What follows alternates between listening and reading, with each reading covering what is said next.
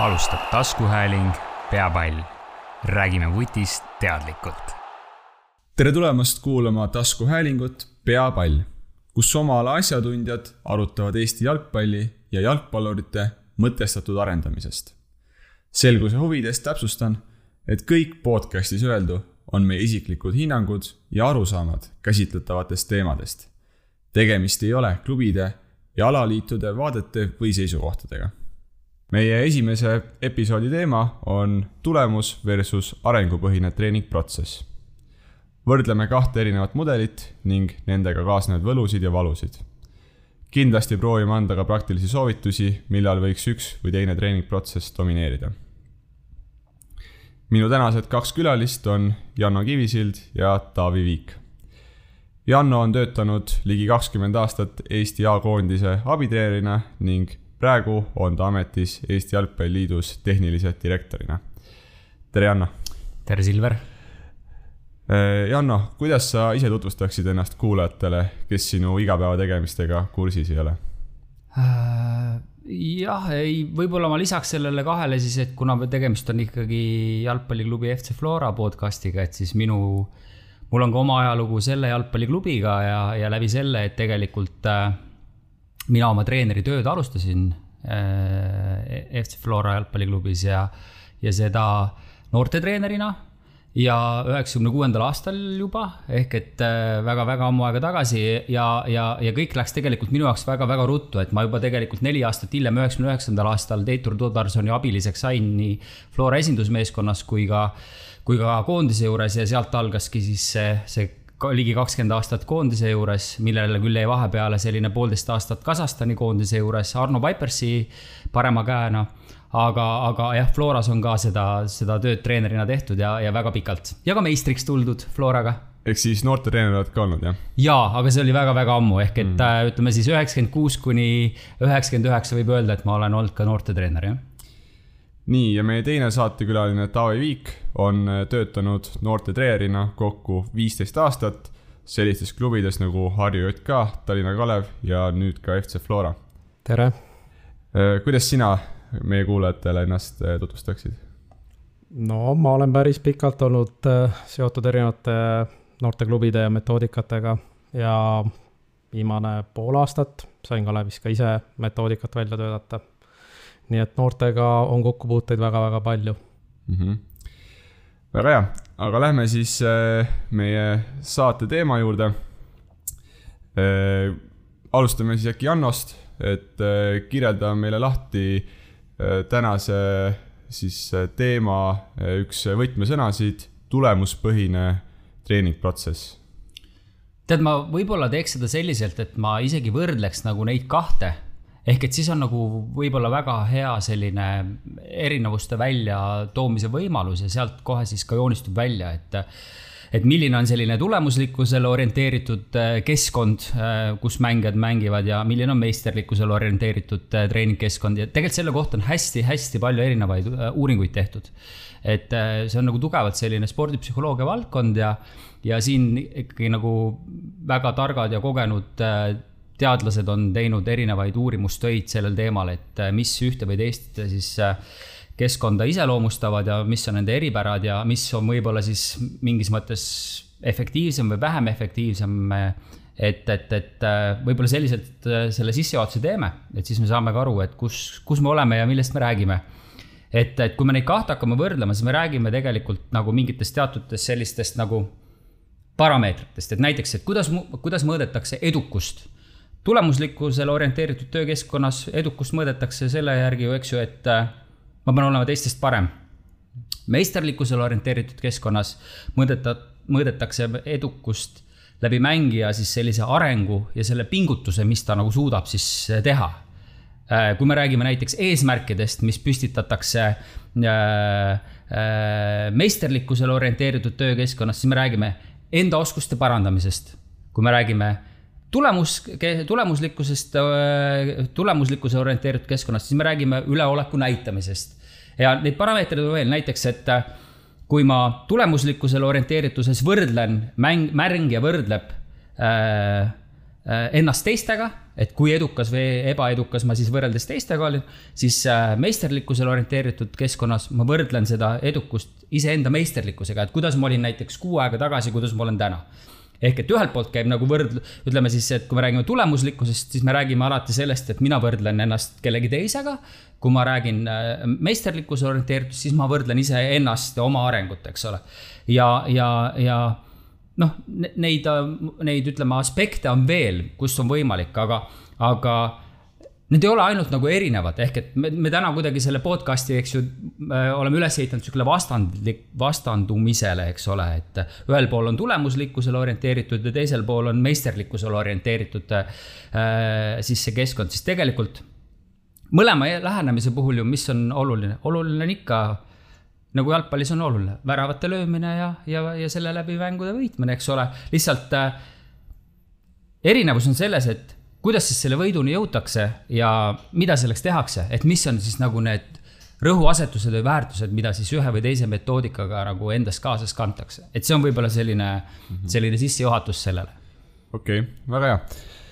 Ehm, Taavi, ma siis äh, sinult, äh, sinule esitaksin sellise küsimuse et äh, noormängijate kasvatamine on ju tegelikult peamiselt eesmärgiga, et nad jõuaksid äh, kunagi tippjalgpalli. Äh, kus on tegelikult kõige tähtsamal kohal tulemus, ehk siis punktid tabelis, kas sa oled Eesti meister või mitte. miks me siis üldse räägime mingisugusest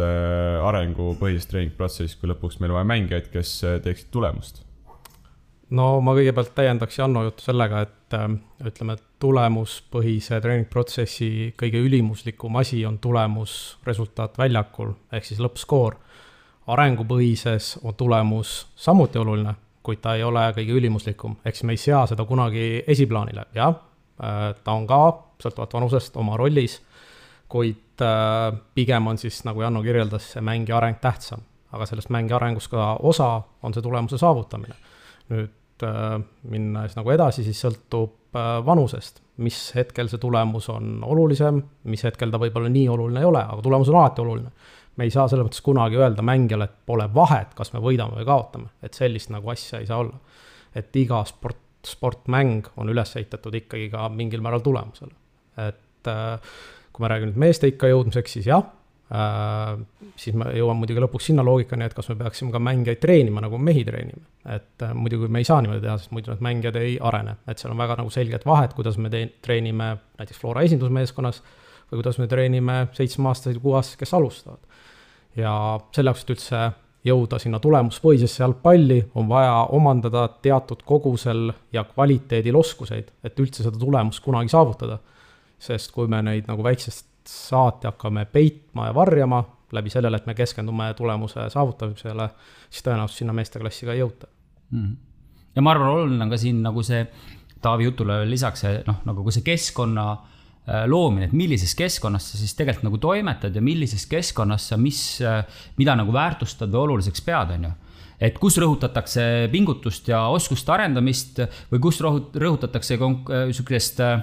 tulemuse saavutamist, noh, et kaks väga erinevat ju lähenemist, eks ju et.... jah, et ma ka kohe ma nagu mainiks ära, et minu seisukoht on kindlasti, et äh, selle jaoks, et edukat mängijat kasvatada, siis see keskkond, kus ta treenib, peab olema nii-öelda väga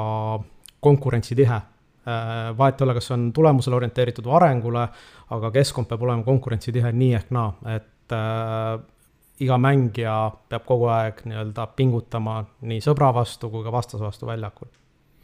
ja võib-olla ma toongi ühe tasandi veel juurde, kuna me läheme konkreetselt juba ka treeningute peale, on ju, et. Mm, et ütleme, kui me räägime täna sellisest nagu meisterlikkuse õhkkonnast või et kus me siis soovime mängijaid arendada läbi sellise meisterlikkuse orienteeritud keskkonna, siis seal vigu käsitletakse kui õppimisvõimalust. Ehk et, et ma tegin vea, sellest ei ole midagi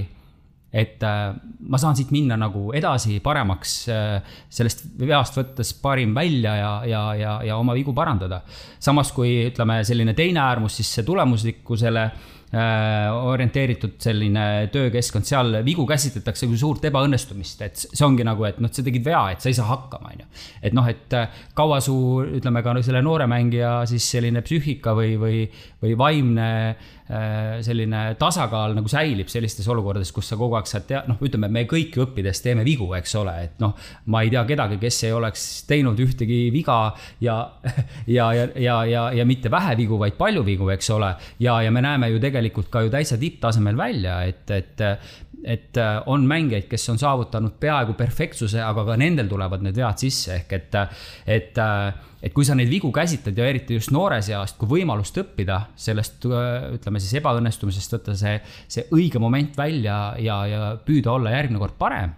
siis see on ju kuidagi ka oluliselt elutervem elufilosoofia kui see, et et pagan, ma ei saanud hakkama, issand, mis nüüd saab, et kogu maailm vaatab mind, milline hädapätakas ma olen, on ju. ja sinna kõrvale siis kõik need äh, verbaalsed, äh, verbaalsed äh, märkused ka, on ju, et, et, et noh, ma arvan, see on nagu niivõrd erinev töö, töökeskkond, kus on võimalik nagu siis toimetada ja, ja, ja seda mängija arengut toetada.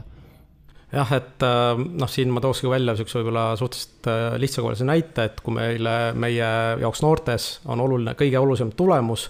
siis näiteks selline suvaline näide, et kui mul väravat ei oska hästi jalaga mängida, siis ma mängus ei kasuta teda, sest see on riskantne, ohtlik, tõenäoliselt kaotame siis. Äh, arengupõhises äh, treening äh, metoodikas või treeningprotsessis me anname võimaluse väravahil siis nii trennis kui ka mängudes ikkagi proovida, õppida, eeldusel, et üks hetk ta saab need asjad rahuldaval tasemel nagu selgeks, samas mitte lõhkudes muidugi ära kogu oma mänguloogikat, mis meil on üles ehitatud ja see on, äh, noh, ma kujutan ette, Taavi, sina oled olnud, sa oled palju-palju kogem-, kogenum noortetreener kui mina, et see on nagu vahest ka, ütleme, mina lapsevanemana, mul äh, poeg äh, saab esimesel juulil kolmteist, ta ka mängib jalgpalli. vahepeal mängis nii, et ka noortemeistrivõistlustel, nüüd jäi aasta vahele, nüüd on ta tagasi jälle. ja, ja noh, ma olen neid noortemänge ka väga palju vaatamas käinud, et tegelikult nagu et äh, aeg-ajalt on tunne, et lastevanematel on hästi keeruline seda aktsepteerida et tahetakse nüüd kohe ja praegu, et noh, et ütleme, et äh,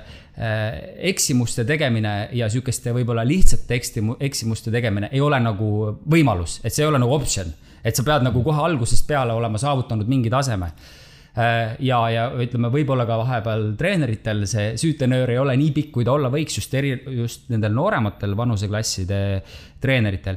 kus noh, see on nagu paratamatu osa, ehk et no ütleme siis eksimine on paratamatu õppimisprotsessi osa, et õpitaksegi läbi nende eksimuste. lihtsalt nagu see treeneri kunst ongi siis see, et kuidas sa seda eksimust selle mängijani nagu,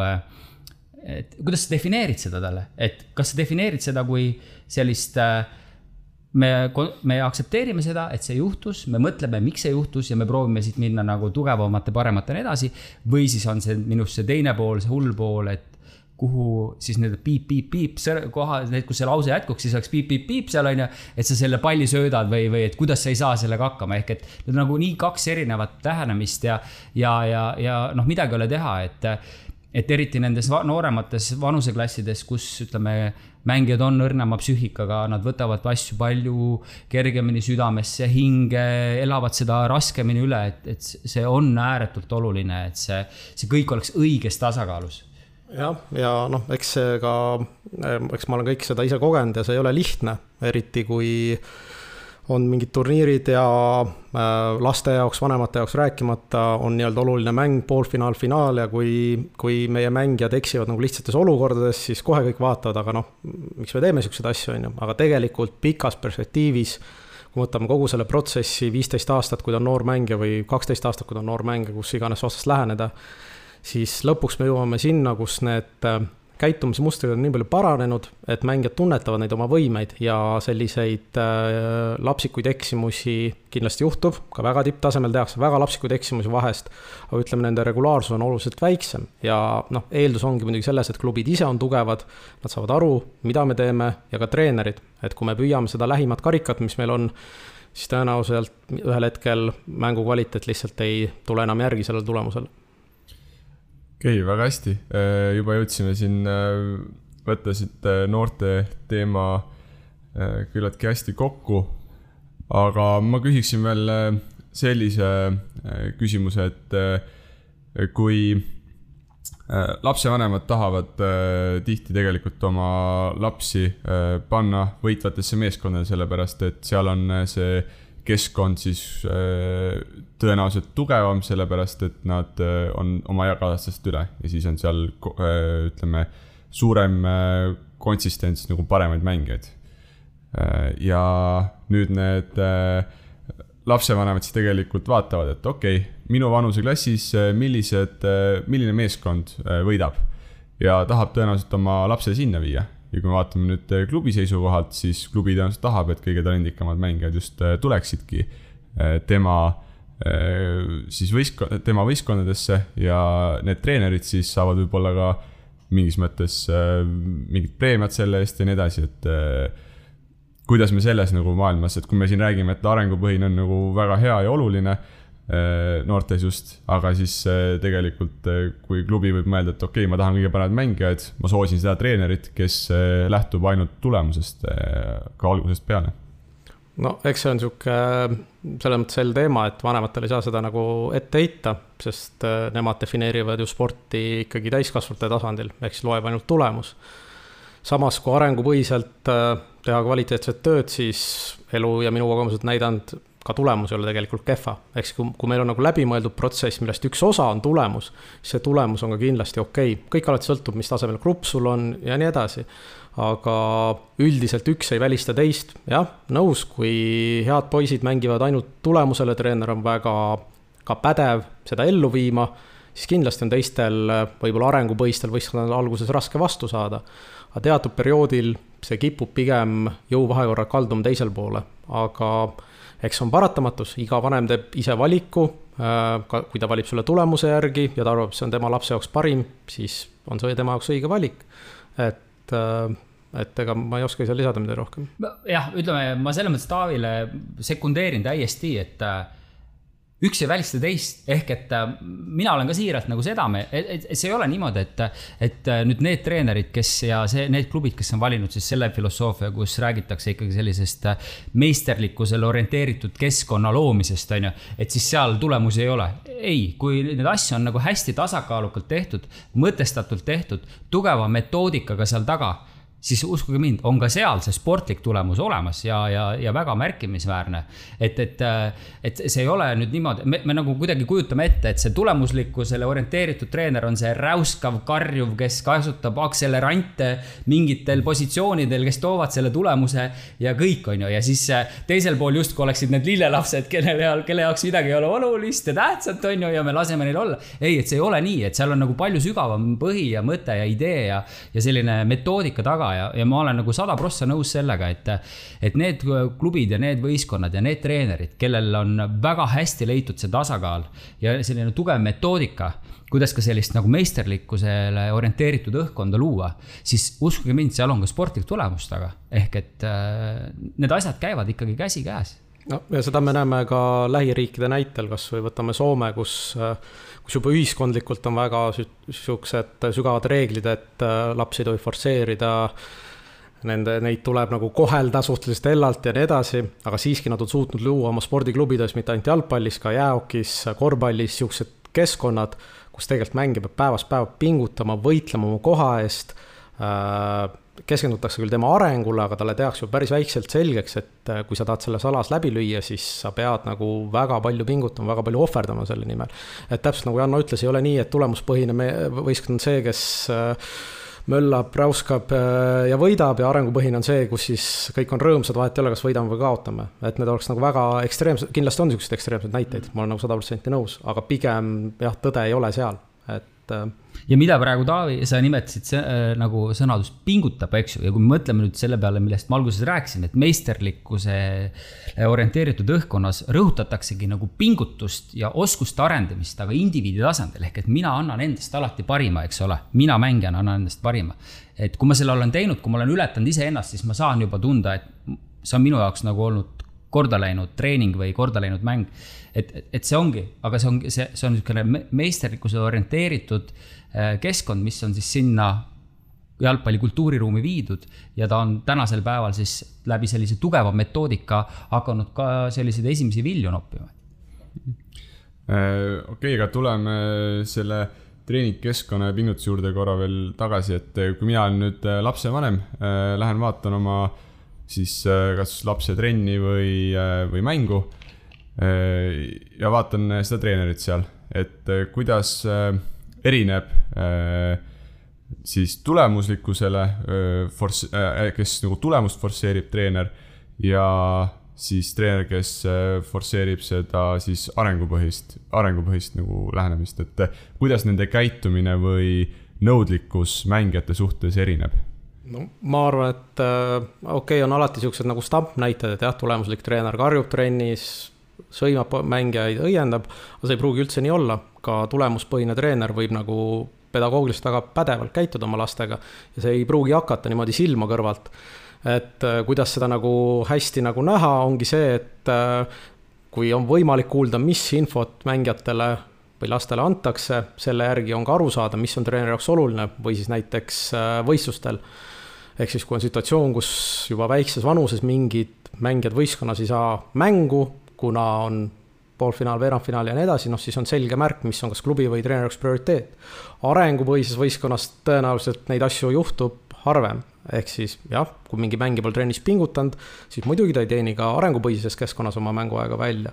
aga ma arvan, et treeningprotsessi kõrvalt jälgides niimoodi ei saa öelda, et üks teeb seda ja teine teeb teist mm.. Jah, siin niisugused väiksed detailid, vaata, mida ma ka alguses rääkisin nende et treener, kuidas ta saab luua ühe või teise keskkonna, et, et kui me räägime sellest äh, tulemuslikkusele orienteeritud äh, õhkkonnast näiteks, on ju, siis seal äh, ebaõnnestumist võetakse kui sellist madalat võimekust, et sa ei saa hakkama, on ju, et sa ebaõnnestud, sa ei saa hakkama, on ju. et, et noh et sa ei ole piisavalt hea, eks ju, noh, kõik need kommentaarid, mis ütleme ka tagasiside, mida mängija või vabandust, treener mängijatele annab, on ju. samas kui meisterlikkusele orienteeritud õhkkonnas ebaõnnestumist võetakse võib-olla kui noh, et võib-olla mitte piisavat pingutamist või, või, või mingi, mingit muud, ehk et sa ei saa nagu kritiseerida sellepärast, et sa ebaõnnestusid äh, läbi selle, et, et sa oled nagu kehv ja, ja, ja sinuga on nüüd kõik, on ju, vaid et, et pööratakse tähelepanu võib-olla mingitele muudele nüanssidele, et miks sa võib-olla ebaõnnestusid. mitte ei tooda välja seda, et, et, et oledki see sam-, see sammune ja, ja, ja, ja võib-olla on mõistlik mõelda millelegi muule, on ju, millele muule spordialale või mis iganes. või siis seesama vigade käsitlemine, on ju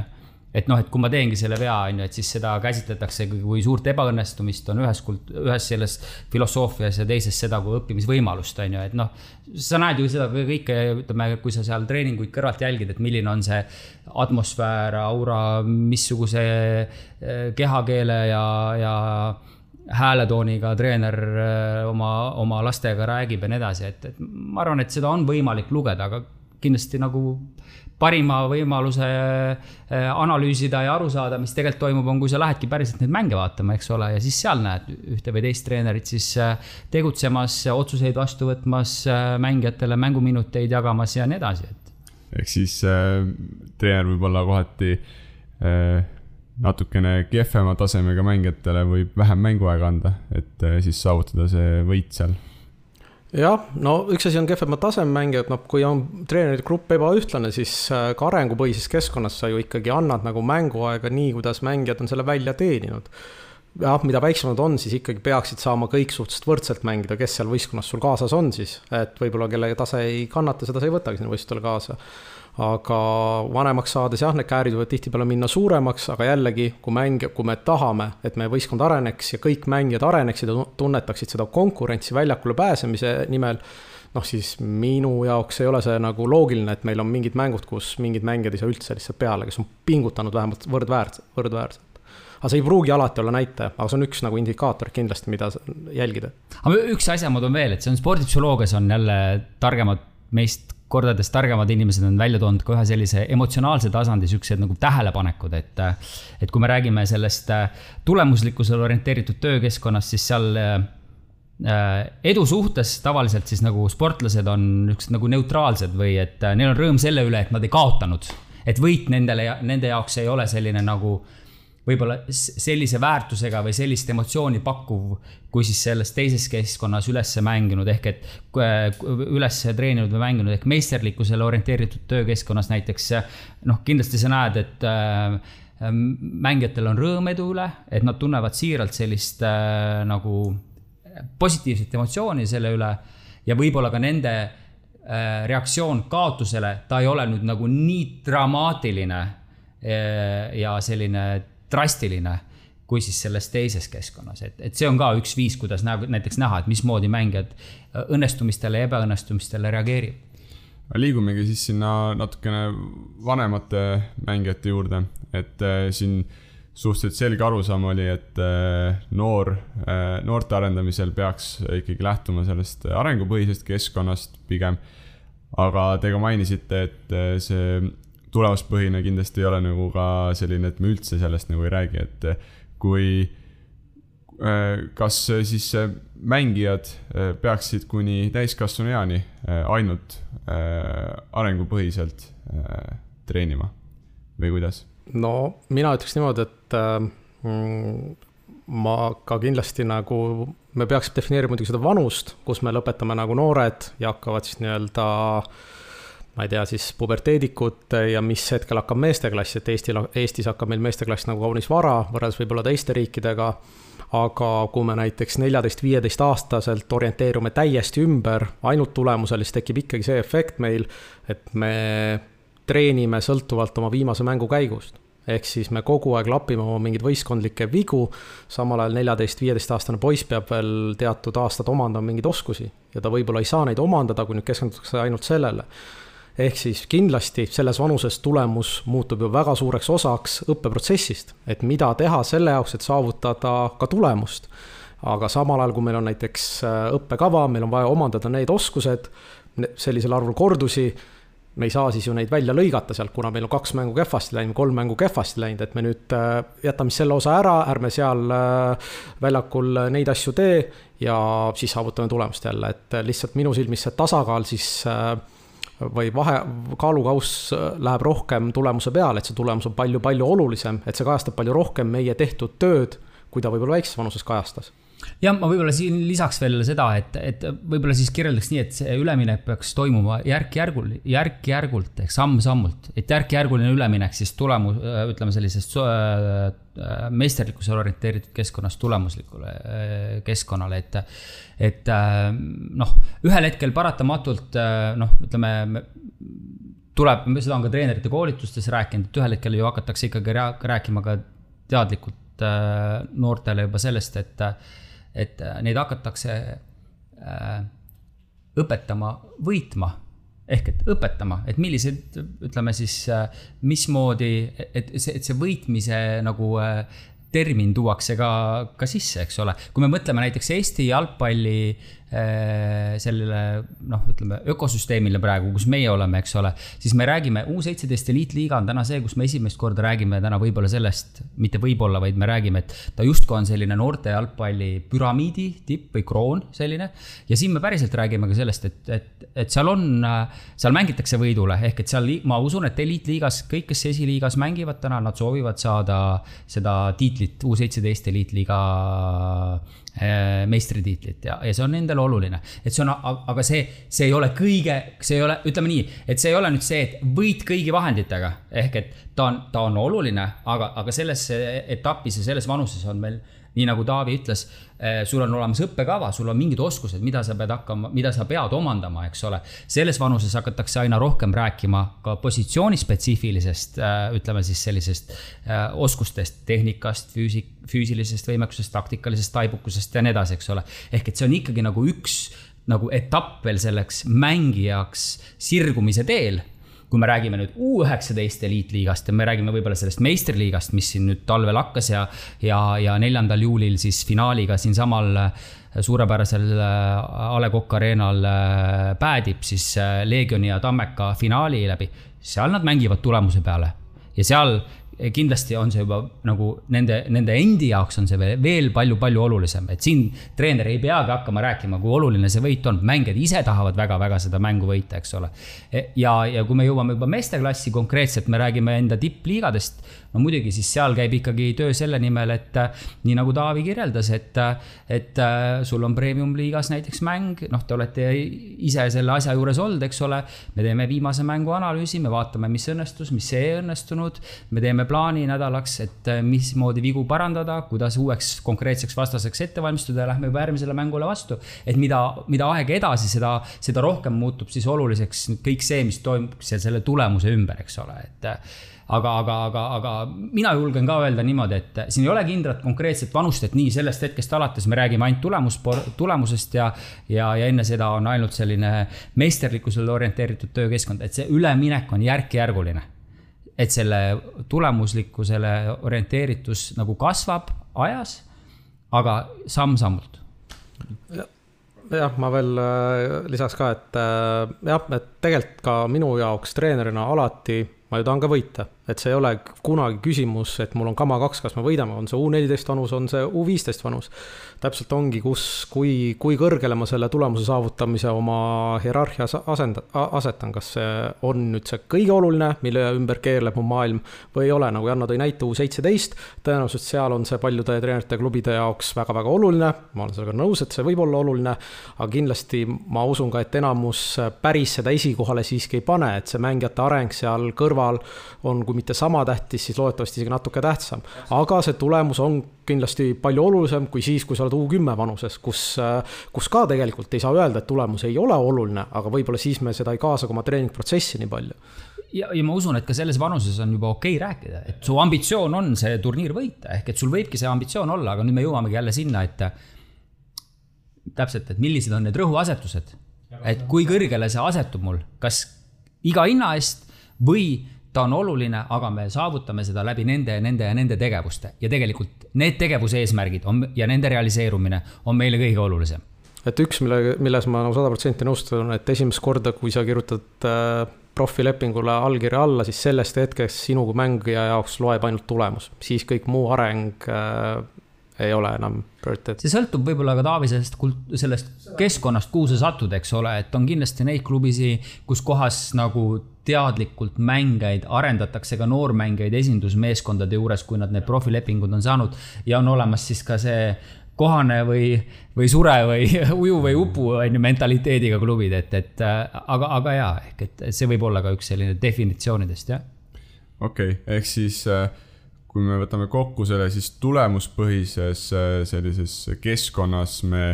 analüüsime viimast mängu, vaatame, mis, või siis võtame järgmise vastase, näiteks ma ei tea, kes iganes Flora vastu mängib äh, Levadia, analüüsivad äh, Levadia läbi, et kus on need nõrkused, kus, kus siis võiks nagu selle mängu võita ja keskenduvad terve nädala sellele, et järgmiseks mänguks olla võimalikult hea selle konkreetse vastase vastu versus arengupõhises, siis tegelikult me võtame eh, selle, mida, mida me tahaksime õpetada eh, mängijatele selles vanuses, siis eh, ja nädala keske, nädalas siis pigem keskendume sellele, et kuidas me õpetame seda konkreetset aspekti, olenemata, kas see on sellega mänguga seotud või mitte jah, sõltuvalt nüüd muidugi vanusest, kui poisid on vanemad, siis kindlasti sa ennem mängu võtad ka arvesse, kellega mängime ja mida nemad võib-olla teevad. kui väikses vanuses see ei ole üldse nii oluline, siis vanemas, eriti üksteist versus üksteist jalgpallis on juba oluline, sest see hakkab murdma seda mänguloogikat, kui nagu mängijad üldse ei tea, mis juhtuma nagu hakkab või mis formatsioonis vastane mängib, et. et seal on ka ikkagi oluline see sees, mis vastane teeb, aga me ei muuda oma treeningprotsessi selle nimel, mis on meil järgmine vastane või mis on meie tulemuse eesmärk, on ju. ma toon lihtsalt siis selle näite, et kui Taavi on näiteks U10 kümne treener, siis vaevalt, et äh, tema vastase mänguanalüüsi teeb, aga kui A-koondis läheb väljakule siin ükskõik kelle vastu, siis mänguanalüüs on üks nendest alustaladest, mis äh, on nagu mängu ettevalmistuse tähtsatest osadest, eks ju. jah, et võib-olla sihuke lihtsakoeline näide ongi, et kuna Eestis siin kõik enam-vähem ikkagi teavad üksteist, siis tulemuspõhises lähenemine oleks see, et ma tean, et vastane on meist natuke tugevam, teeme siis niimoodi, et me näiteks tagariske ei võta me teame, kuidas vastane tahab mängida, üritame nende mängu nagu lõhkuda. ja kui sa tahaksid seda hästi teha, siis sa peaksid ka oma treeningprotsessi sellega üles ehitama, mis võib-olla tihtipeale Eestis ei ole nii, aga siis see oleks see loogika, mis on nagu meestes, on ju, et äh,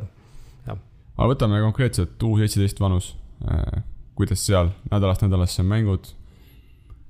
no mina pakun, et endiselt ikkagi me räägime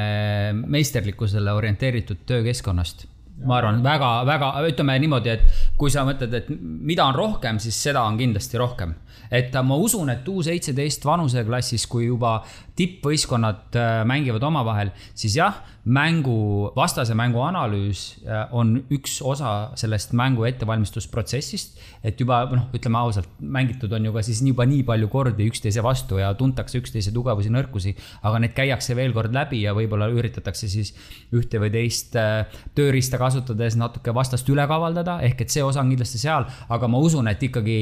väga paljudel klubidel ka Eestis on ikkagi selline konkreetne õppekava on olemas, mingid teatud konkreetsed, ütleme siis nii, võib-olla õppekava paberi peal mitte dokumendina, aga siis ka treeneritel individuaalselt on olemas ikkagi mingi arusaam, et milliseid omadusi veel selles vanuses on oluline arendada, millised oskused see mängija peab äh, omandama ja, ja, ja ikkagi nagu palju rõhku läheb sellele. pluss ma ütlen, et see on veel, see on juba see vanus, kus tegelikult treenerite jaoks üks uusi väljakutsetest ta ei ole uus, aga ta on oluline väljakutse, on see positsiooni spetsiifiline mängija arendamine. Et sa küsisid konkreetselt U seitseteist, siis U seitseteist vanuses ka positsiooni spetsiifiline mänge arendamine on väga olulisel kohal. Ta-, Taavile ma annaks äh, U kakskümmend üks pureda et.... U kakskümmend üks, no U kakskümmend üks on, äh, ütleme, meie keskus on ta kindlasti juba meesteklass. Äh, ka välismaal tegelikult juba sõltub jah, sõltub võib-olla riigist, sõltub äh, nagu keskkonnast, aga seda juba loetakse nagu meesteklassi, et meil U seitseteist on veel kuueteistaastased, nad ei ole seitsmeteistaastased oma sünniaasta järgi. Kui me võtame siis U kakskümmend üks, et nad oleks kahekümne ühe aastased siis no tippjalgpallis kahekümne aastane on ikkagi nagu, ta ei ole küll valmis mängija, ta on ikkagi täiskasvanud mängija. ehk siis jah, ta, kõik klubid arvestavad või loodavad, et nad arenevad, kellel on väga läbimõeldud treeningprotsess, need ka üritavad arendada neid mängijaid, tegelikult üritatakse arendada kuni kolmekümne viie aastaseni välja. aga selgelt seal enam ei noh, loeb ju võistkonna tulemus, isegi kui sa mängid seal duubli eest, siis ka seal kasutatakse tõenäoliselt samasugust mänguformatsiooni, samaid, samu põhimõtteid ja üritatakse näha, kuidas seesama mängija seal hakkama saab, et kui teda tõsta nagu esindusvõistkonda et ma korra näperdaks seda U17 ka, ka veel, et sa võtsid mul selle eest ära. et Eestis on muidugi teine teema ongi see, et meil on palju mäng, mitte palju, aga on päris suur hulk mängijaid, kes juba selles vanuses tegelikult mängivad meeste klassi. eks nad tegelikult võib-olla põhitreeningprotsessis puutuvadki juba selle tulemuspõhise protsessiga kokku, noh, võib-olla mitte kogu aeg, aga ikkagi piisavalt palju. ja noh, need klubid võib-olla, kellel siis kuueteistaastased mängijad veel ei mängi mehi siis jah, loodetavasti enamustel on nagu selge arusaam, mida ikkagi oleks vaja, sest noh, tegelikult kuueteistaastane on siiski veel ikkagi noor jalgpallur, et äh, ta ei ole valmis. ei saa keskenduda ainult äh, ühele kindlale parameetri arengule, aga positsioonipõhine on muidugi. et selles vanuses on juba väga selgelt positsioonipõhine treeningtöö, mis ei ole ka otse, otseselt seotud, ei pruugi olla seotud tulemusega et samasugune osa arenguprotsessist. et neid mängijaid siis vastavalt sellele positsioonile arendada, kuigi elu on näidanud, et ka paljudel vahetavad positsioone selles vanuses selle U kahekümne ühe juurde tagasi tulles, et ma ikkagi seal päris konkreetset vastust ei saanud, et et kuidas, kui meil on nädalast nädalasse mäng, pühapäeval viiane mäng, pühapäeval järgmine mäng, meil on viis treeningut, kui palju sina kulutaksid sellele, et mis on järgmine vastane kuidas seda üle mängida? no siis kõigile küsiks, mis selle võistkonna eesmärk on see kõik algab selles mõttes sellest, mis selle võistkonna eesmärk on, siis ma oskan võib-olla täpsustada, kui selle võistkonna eesmärk on toota mängijaid näiteks esindusvõistkonnale siis ikkagi rõhk peaks olema päris palju ka arengule. et kindlasti nüüd on see nagu noh, kuna ta mängib meeste seas, meeste võistkondade vastu, siis kindlasti on, nagu Janno ütles, see kõige alus on see mänguanalüüs, mis, mis meil endal läks halvasti, mida ERM vastane teeb ja nii edasi. aga sinna sisse peab kindlasti mahtuma, kas on siis soovitatavalt trenni sees mängijate äh, oskuste arendamine, mis iganes on ette nähtud pluss kindlasti U, Eesti mõistes siis duublite U kahekümne ühe tasemel peaks käima klubides väga tugev töö ka individuaalsete mängijatega väljaspool tavatreeningprotsessi. et see on kindlasti väga nagu hell teema võib-olla. aga Janno, et sa korra siin juba A-koondise juurde tulid, et eh, kas on mingi variant, et eh, A-koondises eh, tehakse siis, lähtutakse arengupõhisest treeningprotsessist? ei, selles mõttes, et ma oleks nagu tahtnud öelda, noh, ütleme, ma nagu ei vingerda välja sellest kuidagi, ei, ei, et äh,. ma ütlen siis niimoodi, et äh, vähemalt kõik need treenerid, kellega ma olen selle kahekümne aasta jooksul A-koondise juures äh, koostööd teinud, siis ikkagi väga palju lähtub sellest, et ähm, sellest esimesest äh, või juba tegelikult ennem seda, kui esimest korda kohtutakse siin äh, treeningkeskuses, siis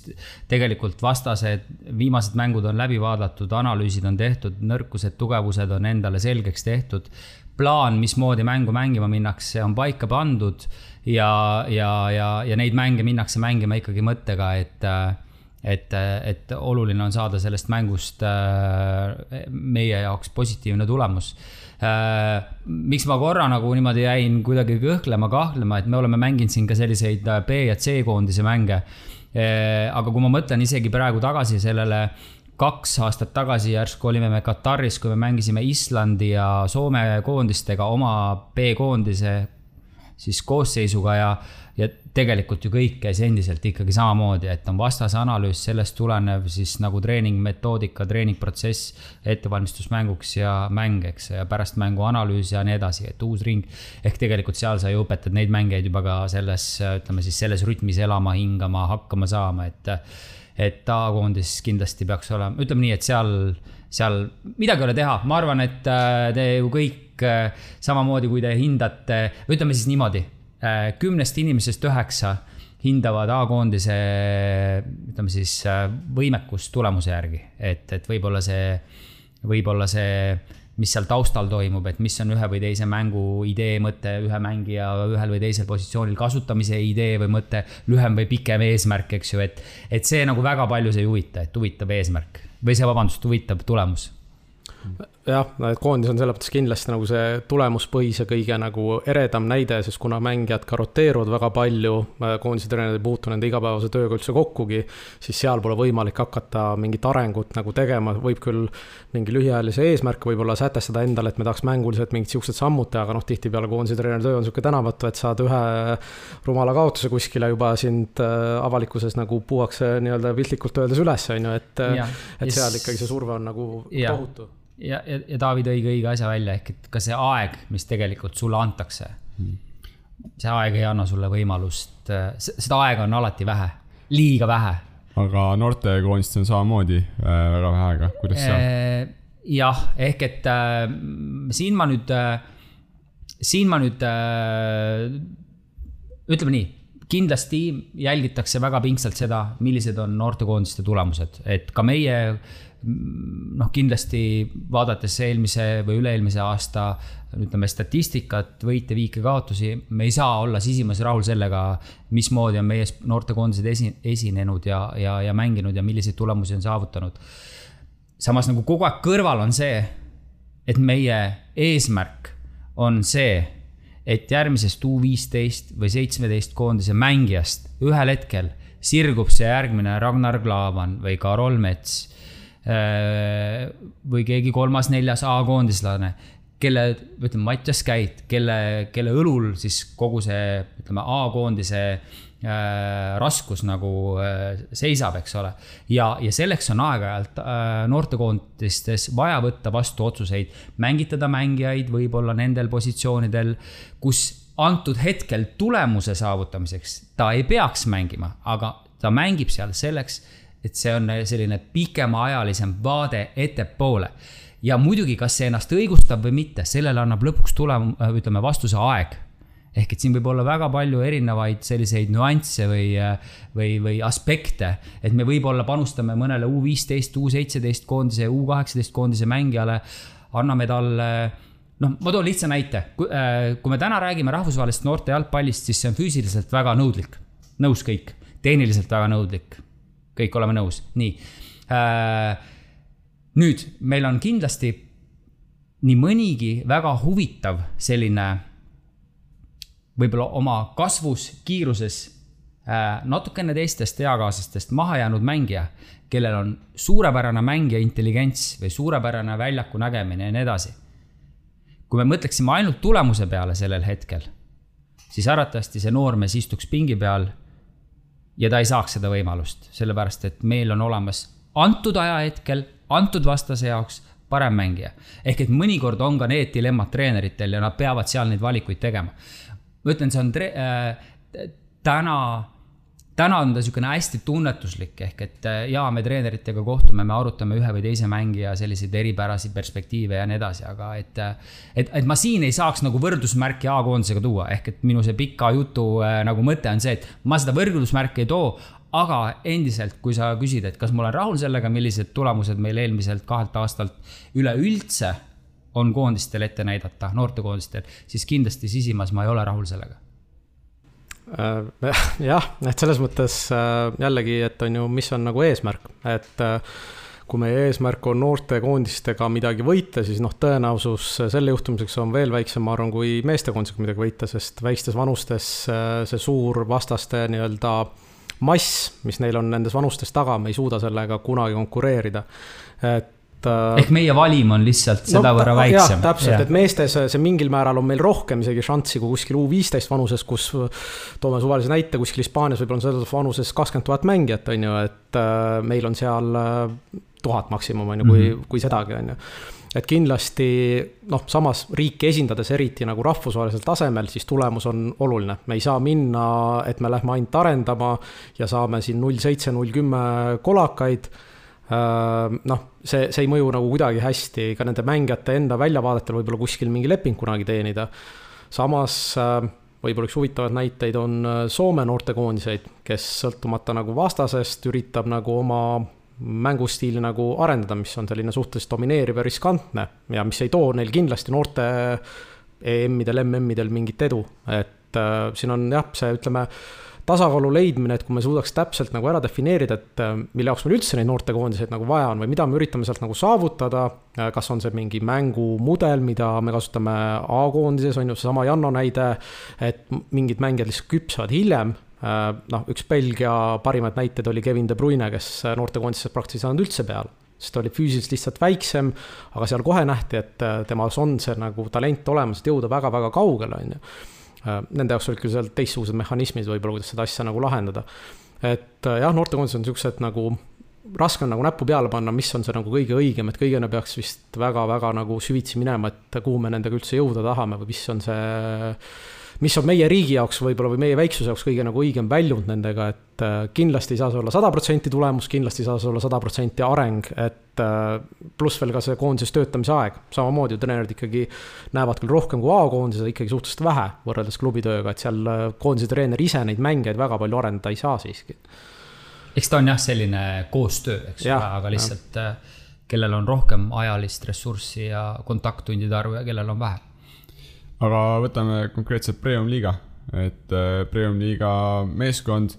äh, kuidas seal A-koondises äh, ainult tulemus, kas Premium-liigas ka? Mm, ma arvan, et siin võib ka natukene võib-olla võib-olla väiksed erinevused on, aga lõppkokkuvõttes ma usun ikkagi valdav osa ju mõtlevad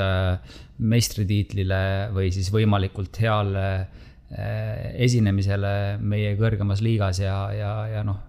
seda tulemusega mõõdetakse, nii et äh,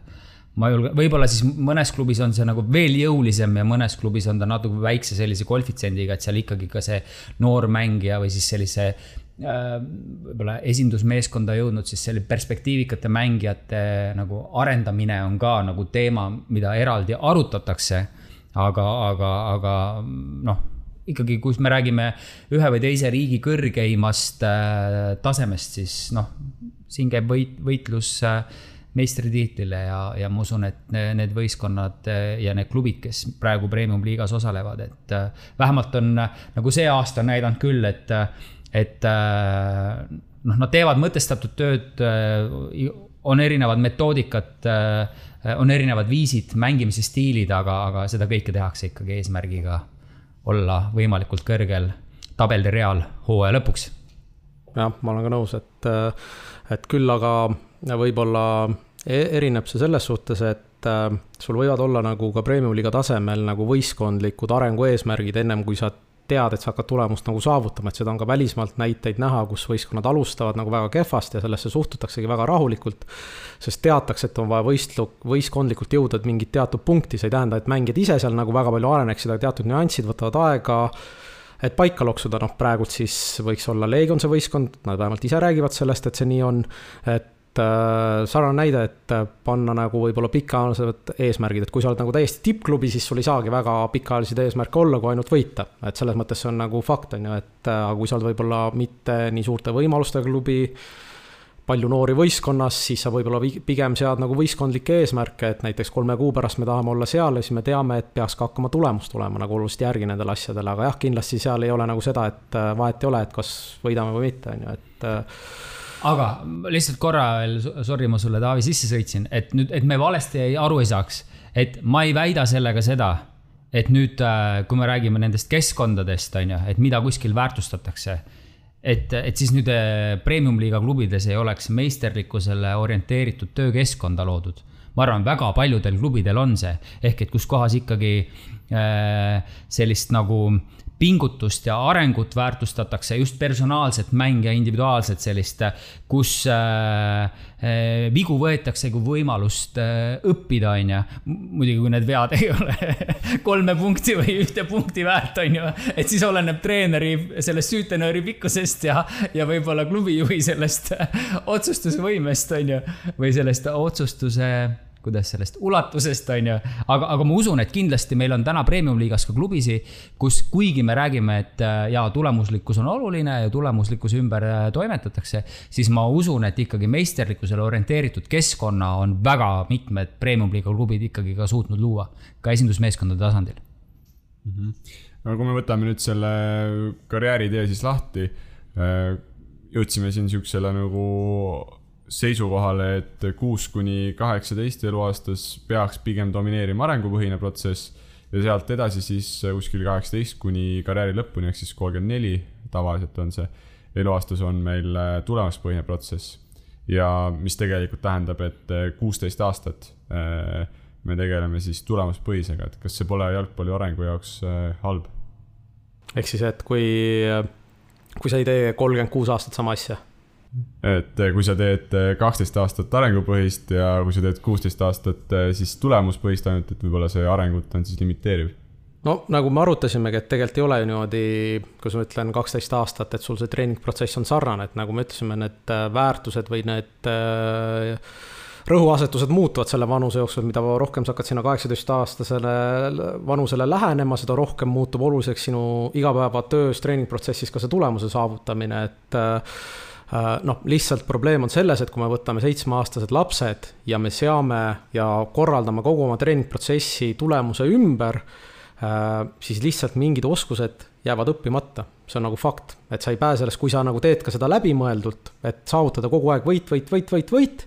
siis mingid oskused jäävad omandamata ja mis iganes talent selles grupis on, ta ei tule või võib-olla nii hea, kui ta oleks võinud tulla ma, ma arvan, Silver, sa pidasid võib-olla seda silmas, et, et seda tulemusele orienteeritud, seda lihtsalt liiga kaua, et, et kuidas ja, see nagu mängija, mängija psüühikale ja kõigele mõjub. aga, aga, aga siin ma tulengi sisse võib-olla selle, selle sihuke väitega või sellise nagu idee või mõttega, et, et tegelikult äh, ma usun, et tippklubides, kuigi seal väga palju noh, ütleme, on seda pinget tulemuse saavutamistel, erinevatel võistlustel osalemisel, parimaks olemisel eesmärgil ja nii edasi, et mis tähendab, et ka sul on väga, väga suur läbipõlemis nagu selline risk, eks ole, siis tegelikult ma arvan, et see keskkond, kus nad toimetavad, et see on ikkagi nende jaoks, sest et ütleme, treeningkeskkond, kus nad toimetavad, see Eh, klubi kultuur, kus on nad üks osa sellest, eks ju. et, et see kõik ikkagi nagu kuidagi balansseerib seda kõike. ehk et äh, et äh, noh, nagu ma siin premium-liiga näitel äh, tõin, ma usun, ma olen päris veendunud, et, et premium-liigas on väga-väga mitu esindusmeeskonda, kus tegelikult ikkagi esindusmeeskonna treeninggrupi tasemel on loodud treeningkeskkond selline mis võiks justkui äh, vastata väga paljudele sellele meisterlikkuse orienteeritud äh, töökeskkonna, ütleme sellistele äh, nõudmistele või, või definitsioonile, et ma, ma usun küll seda. ja muidugi see siis ütleme, see iga nädal, nädalavahetus, kohustus võita, eks ole. see on treeneri kunst, eks ju kuidas see mängijateni viiakse, see on klubi kultuuri osa aeg-ajalt, kuidas see mängijateni viiakse on see siis läbi presidendi suu ja nõudlikkuse või on see läbi peatreeneri mingisuguste selliste, ütleme, osavalt, osavalt tegevuse eesmärke püstitades või, või, või mis iganes, ehk et, et ma väidan, et, et ikkagi noh, läbi selle sellise hea treeningkeskkonna on võimalik luua olukord, kus ka sellel tasemel, kus nad on või selles vanuses, kus nad on siis see kaheksateist kuni kolmkümmend kuus või nelikümmend, et neil on ikkagi nagu hea olla. et, et, et ja, ja nad tunnevad ennast hästi et ma ei võtaks, vot ma, ma, ma veel korra nagu rõhutan seda, mis ma alguses ütlesin, et me ei peaks nagu nii noh, ütleme, me nagu võtame kuidagi nii, et see on, on üks sihuke skaala. skaala ühes otsas on nagu siis äh, tulemuslikule, tulemusele orienteeritud keskkond ja teisel otsas on siis arengule orienteeritud või meisterlikkusele orienteeritud keskkond. et tegelikult me noh, need on nagu äärmused ehk et, et tegelikult toimetatakse ju kuskil siin vahel, et seda ühisosa on ka ja seda ühisosa on juba võib-olla varem. aga nüüd ongi see nagu see, ma arvan, et mis eraldab terad sõkaldest, ongi siis see, et millises nagu vahekorras kõike seda on. et see on nagu see treeneri kunst ja ma arvan ka klubi siis selline nagu filosoofia nagu selline tähtsus või roll. sest noh, seesama äh, see kaksteist aastat noorte siis äh, elu, see tähendabki, et äh, selle jaoks, et mängijad tuleb, me loome sinna väga konkurentsitiheda olukorra, kuigi see treeningprotsess on nii-öelda meisterlikkusele või arengule üles ehitatud, ehk see tegelikult tuleb sellest samast keskkonnast, võib-olla see sportlik fookus natukene muutub, aga see tegelikult jääb samaks. aga noh, mis muidugi, kui me räägime siin meil võib-olla premium-liigas jah, see, seda meisterlikkuse arendamist on tänu ka sellele noorele vanusele, mis meil siin mhm. Premiumi liigas on, on sees. siis noh, muidugi päris tipptasemel äh, loeb nädalast nädalasse sul ainult üks asi ja seal on surve nagu metsik ja sellega peab toime tulema. väga hea, võtame teema kokku siis. Äh, Janno, mis sulle sellest arutelust kõlama jäi? noh, justkui võis jääda nagu, võib-olla kuulajale võis jääda nagu see mulje, et äh, et üks on nüüd nagu väga-väga hea ja teine on nüüd nagu väga-väga paha, ehk et ma nagu siis veel kolmas kord rõhutan, et tegelikult see tõde on kuskil seal vahepeal ehk et just selle õige vahe, vahekorra või tasakaalu leidmises. aga, aga ilmselgelt äh, ja noh, ka Taavi siin oma kogemusest arvatavasti kokku võtab ikkagi. kui me räägime noorte jalgpallist, siis seal noh, ääretult oluline on ikkagi nagu teadvustada seda, et sellise meisterlikkust arendav keskkonna loomine on nagu ääretult oluline, eks ju siis me tahame ju tegelikult, et meil oleks lõpuks siin väljaku peal Eesti koondist, Eesti riiki esindamas mitmekülgselt hästi tasakaalukalt arendatud mängijad, eks ole ja neid on võimalik arendada ainult läbi selle, kui see metoodika, äh, mida kasutatakse, see lähenemine, kuidas mängijaid arendatakse noorteklassides oleks nagu õi-, õiges proportsioonis. ja Taavi? jaa, et et äh, noh, äh, nagu ma ütlesin, et arengupõhine treeningprotsess ei välista nagu tulemust, millega me peame siin Eestis nagu arvestama, et meil on ressurss nagu kohutavalt piiratud, eriti mängijate ressurss, et me peame üritama igast mängijast, kes ise vähegi tahab, võtma maksimumi ja meil ei ole nagu äh, ruumi nagu raisata, mida on tihtipeale välismaa suurtel akadeemiatel, kus kui keegi ei saa hakkama, võetakse uus, ehk siis Äh, me peame suutma välja pigistada maksimumi, mis meil sellest on, loodetavasti sellest piisab, et kunagi midagi väga-väga ilusat korda saata. aga ütleme siis minu kogemus on näidanud tihtipeale seda, et ähm, teatud protsessid võib-olla ei ole kõikidel treeneritel või klubidel nii läbimõeldud, et me näeme nagu äh, seda tulemuse ülimuslikkust väljakul ja seda vahest on nagu natukene nagu kõrvalt ka kurb vaadata, eriti kui on tegemist seitsme, kaheksa või üheksa aastaste lastega, kes tegelikult mängivad jalgpalli ikkagi eelkõige, et neil on seda äge teha. et äh, jah, ka pedagoogiliselt on see nagu igatepidi nagu läheb loogika vastu, kui me nagu äh, survestame neid lapsi mingit asja saavutama jah, ja selline oligi meie episood tulemus- ja arengupõhisest treeningprotsessist. enne veel, kui kohtumise lõpetame, tuleb ära mängida ka rubriik Lisaaeg, kus mõlemad saatekülalised saavad jagada enda mõtteid järgmise saate teema kohta ning selleks on kummalgi aega ligi minut. ja järgmise saate teema on äh, treenimine läbi mänguliste situatsioonide no ma usun, et siin on niimoodi, et äh, noh, ütleme selline lihtne loogika ütleb ju selleks, et saavutada mingit teatud täiuslikkust või meisterlikkust, sul on vaja teatud hulk äh, korduseid mingisuguse oskuse omandamiseks, et isegi on räägitud kümnest tuhandest kordusest, eks ole. ja, ja, ja, see tähendab seda, et mm, sellel hetkel, kui nad jõuavad juba A-koondisse või meesteklassi, kus mina olen valdav osa ajast oma, oma treeneri eh, tööks olemise ajast toimetanud, et siis seal ikkagi väga palju see töö käib juba läbi siis ütleme erinevate mängusituatsioonide korduste, ehk et me paneme mängijad reaalsetele positsioonidele ja mängime teatud stsenaariumid läbi ehk et äh, tipptasemel ja, ja, ja, ja, ja koondiste tasemel väga palju on siis sellist nagu mängupõhist ja, ja situatsioonipõhist treenimist äh, see, kuidas noortel asi toimub, äh, seda saab Taavi kindlasti rääkida, et kus, missugune õige tasakaal seal on või, või, või, või kuidas see asi seal ideaalses maailmas välja nägema peaks? jah, et äh, ütleme nii, et siis kui sihuke nagu hästi lühidalt kokku võtta, siis äh, kui on võimalus kasutada avatud lahendustega harjutusi, siis see annab mängijale rohkem, kui meil on äh, suletud harjutus, suletud harjutuse all siis pean silmas see, et sa saad palli, sa pead kas jooksma või söötma punktist A punkti B ilma ühtegi otsust vastu võtmata. kui me sellist käitumismustrit hakkame väiksest peale juba tegema, siis see tõenäoliselt äh, ei ole kõige optimaalsem lahendus. samas nõus, teatud kordusi on meil vaja saada, teatud asjades on ka äh, suletud harjutused kasulikud, aga siin on jälle see tasakaal, et kuna meil ei ole tegemist äh, individuaal- või sihuke tehnilise spordialaga, ehk siis neid variatsioone on nii palju, siis isegi kui me teeks kaksteist aastat järjest kinnisi harjutusi, me ei suudaks kõiki neid nurki asju läbi võtta, mis veel muidugi üks segav faktor on veel, et meil on ka vastane kes äh, mõjutab, mida me peaksime tegema, ehk siis see otsuse vastuvõtmine on mängijate jaoks juba väiksest saadik väga oluline, kas see on siis nüüd siis nii-öelda trilli näol, soovituslikult võiks olla mängu näol, aga samas nõus, kui mängijal tehnilist pagasit ei ole, siis on ka tal mängus nagu raske, et äh, ütleme siis Euroopa kogemus on see, et mängijad oma tehnilist võimekust tegelikult harjutavad vabal ajal. aitäh saatekülalistele ja kõikidele kuulajatele. kohtumiseni juba järgmises episoodis